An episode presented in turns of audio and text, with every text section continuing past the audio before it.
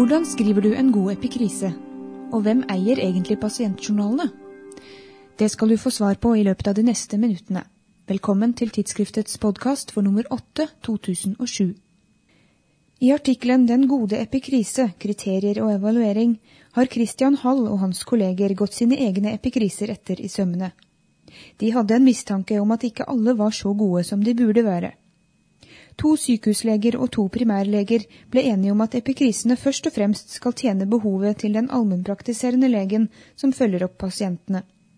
De ble også enige om seks kvalitetskriterier en god epikrise bør inneholde, nemlig sykehistorie, konklusjon, legemidler, oppfølging, konsis fremstilling og ortografi eller rettskrivning. Førsteforfatter Christian Hall utdyper hvorfor disse er viktige. Eh, det første er det vi kalte for sykehistorie, at epikrisen eh, eh, sier noe om bakgrunnen for sykehusoppholdet. Det, er nødvendig for, at man skal se sykehusoppholdet i sammenheng. Og der vil vi også ha med de kliniske funnene, slik at man har en referanse for senere kontroller. Så er det konklusjon, og det er at det er viktig at det i epikrisen trekkes konklusjoner. Eh, også i de tilfellene man ikke er ferdig med utredning. Da er konklusjonen at utredningen ikke er ferdig, og at det gjenstår konkrete undersøkelser. Eh, det er viktig også for vi som arbeider, ved at vi tvinges til å avslutte arbeidet vårt, og at vi ikke skriver ut pasienter uten, og, og, og, hvor saken henger i luften. Legemidler sier seg i grunnen selv at det er viktig at det angis presist og korrekt for at det ikke skal oppstå feil når det gjelder videre medisinsk, altså legemiddelbehandling. Oppfølging er vel noe som det syndes en del mot, og det er viktig at uh, vi har tenkt gjennom og planlagt og konkretiserer hvem skal se pasienten neste gang, og når.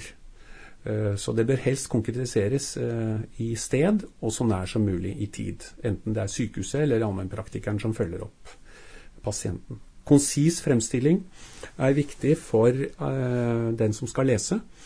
Eh, hvis epikrisene er unødvendig lange og inneholder opplysninger som er strengt tatt ikke helt nødvendige, så uh, svekker det motivasjonen til leseren og fører til kanskje at ditt budskap ikke når uh, fram.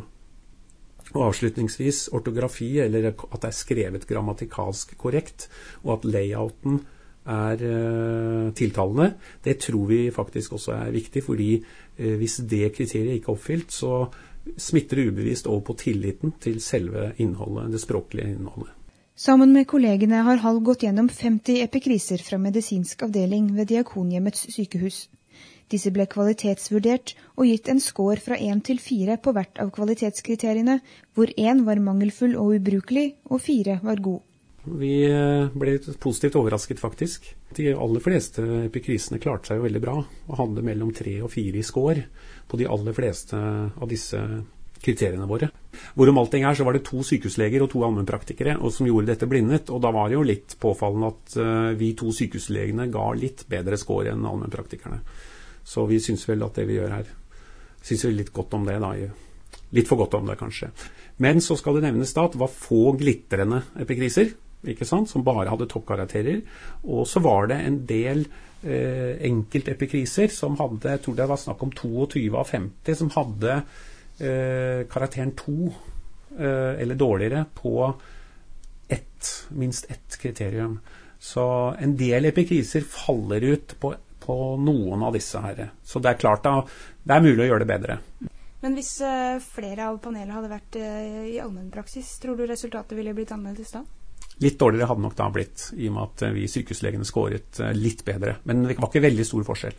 Forfatterne foreslår noen tiltak sykehusledelsen kan sette i verk for å sikre at den innholdsmessige kvaliteten i epikrisen blir god. Det vi har grepet fatt i er eh, først og fremst opplæring. Da. Det kommer jo stadig nye leger inn, og det viser seg at det å skrive epikrise det er noe man ikke får noe særlig opplæring i på studiet. Man lærer å skrive journal, men ikke å skrive epikrise.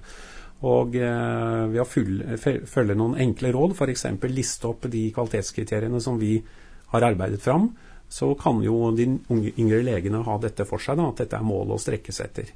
Så vi syns at uh, man kan lage en uh, informasjonsbrosjyre, eller holde kanskje en uh, halvtimers kurs, en times kurs for de nyansatte. Bevisstgjøre dem på det. Det er nok ikke noe ulempe at også garvede klinikere blant overlegestaben får en liten gjennomfriskning og bevisstgjøring på det. Så det er undervisningssiden av det. Og så er det jo dette med veiledning, da. Og det er skikk mange steder at uh, når de yngre legene skriver epikriser, så blir de uh, kontrasignert av en erfaren overlege. Og da kan det jo gis tilbakemelding. Så er det jo viktig da at dette ikke går utover epikrisetiden, da. Så den ideelle epikrise den er ute to til tre dager etter utskrivelse i høy kvalitet. Det er ingen som eh, stusser på at uh, når man, pasienten blir lagt inn på sykehus, så skriver man journal med en gang, og den skal skrives med en gang og foreligge ferdig dagen etter.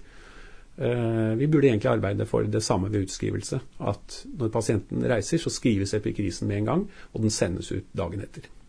Journalrutinene ved sykehusene kan altså være et forbilde for epikriserutinene. Men journaler er også et vanskelig felt, særlig juridisk. For hvem har eiendomsretten eller forvalteransvaret til pasientjournalene, f.eks. når en lege flytter fra en gruppepraksis? Juristene Lars Duvoland og Frode Solberg i Legeforeningen har i spalten Rett og urett i tidsskriftet skrevet en oppklarende artikkel om dette. Bakgrunnen er en avklaring fra Helse- og omsorgsdepartementet og en kjennelse fra Høyesterett, forteller Duvaland. Vi har nå fått både dette brevet fra departementet og kjennelsen eh, fra Høyesterett, som eh, gir en del føringer for hvordan pasientjournalene skal håndteres i forbindelse med at lege flytter ut av en virksomhet. Og der er det tre viktige hensyn som avgjør hvilke rettigheter man har. Og det er både Eh, behandlingshensynet eh, i forhold til at pasienten skal få en eh, god og riktig behandling. Det er hensynet til personvern, at journalopplysninger skal spres i minst mulig grad. Og så er det også et kontrollhensyn, etterfølgende kontroll av legens virksomhet. Det var Legeforeningen som i 2005 ba om en avklaring fra departementet rundt hvem som har forvalteransvaret for pasientjournalene. Det departementet har avklart i sitt brev, det er at eh, den legen som flytter ut, har en rett til å ta med seg journalene for eh, egne listepasienter.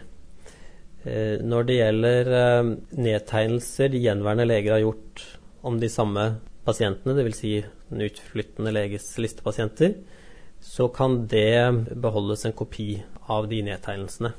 Eh, videre så har utredende lege rett til å ta med seg en kopi av de nedtegnelser som vedkommende har gjort om de som ikke er egne listepasienter. Årsaken til at eh, man bare har rett til kopi av egne nedtegnelser, det er naturligvis for å hindre en for stor spredning av journalopplysninger. Høsten 2006 avsa også Høyesterett en viktig kjennelse, i forbindelse med at en lege flyttet ut av et legesenter og krevde å få ta med seg journalene for sine egne listepasienter, i tillegg til journaler og notater knyttet til andre pasienter han hadde undersøkt og behandlet. Dette ville ikke legesenteret godta. I sin uh, tolkning så kom Høyesterett til at uh, taushetsplikten best ble ivaretatt eh, ved at eh, legen som eh, trådte ut, og som skulle behandle pasientene videre, også forvaltet disse opplysningene. Høyesterett legger til grunn at utgangspunktet er at den legen som flytter ut av praksis, har rett til å ta med seg journalene som vedkommende har skrevet om sine pasienter. Høyesterett sier også noe om viktigheten av at legen får rask tilgang til journalene. Eh, det betyr at hvis en lege flytter ut av en virksomhet eh, som da nekter legen å ta med seg eh, journalene, så vil man kunne få domstolenes hjelp til å få rask tilgang til disse journalene. Vi kan jo tilføye at vi kjenner til også andre saker hvor dette har kommet på spissen, bl.a. en sak hvor kommunen nekter legen som flytter ut av det kommunale legesenteret å ta med seg journaler. Her mener vi at uh, dette brevet og den avgjørelsen som nå foreligger, tilsier at den utflyttede legen har rett til å ta med seg journaler for uh, sine egne listepasienter. Dette kan du altså lese mer om i papirutgaven. Takk for at du hørte på tidsskriftets podkast. Tidligere utgaver er tilgjengelig på tidsskriftet.no podkast, og neste utgave kommer 3. mai.